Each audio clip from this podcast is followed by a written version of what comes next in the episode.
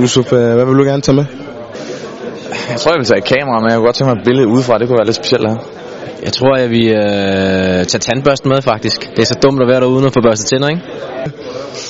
Jeg tror, at øh, Pione, han ville i hvert fald tage sådan en black roll med.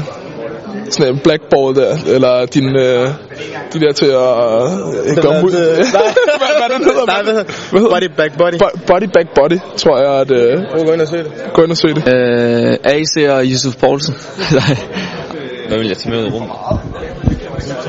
Altså for det første, så tror jeg da ikke, jeg vil, ligesom ville tage ud i rummet, men øh, hvis jeg nu endelig skulle derud, så kunne det jo være en par grobrød eller, eller noget i den dur. Øh, det der Hårbånd, hopperen der. tæller det som en ting. Må vi lige være lidt mere kreative. Du vil tage din spændstil ikke med. Jeg vil tage en fodbold med. Så vil jeg... Hvis jeg skulle vælge tre ting, så vil jeg tage en fodbold med.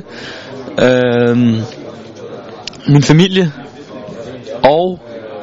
Og så noget musik. Så tænker jeg, jeg kan heller ikke sige, at jeg vil tage kage med ud i rummet, og sno skal jeg heller ikke tage med ud i rummet. Så tror jeg helt klart, at jeg vil tage min, øh, min hund med, Bertha. Fordi at, øh, jamen, der er jo før hunde, der har været i rummet og sådan nogle ting, så det tænker jeg, det kunne også være en fed oplevelse for min hund jo. Så, og så har jeg også en at, en at, en at lege med, når jeg kommer derop. At hvis jeg havde Pione med, ville jeg tage en, en hvis, jeg, hvis det var mig og Pione sammen, så ville jeg nok tage en fodbold med, så vi kunne spille fodbold. Så vi kunne hygge lidt.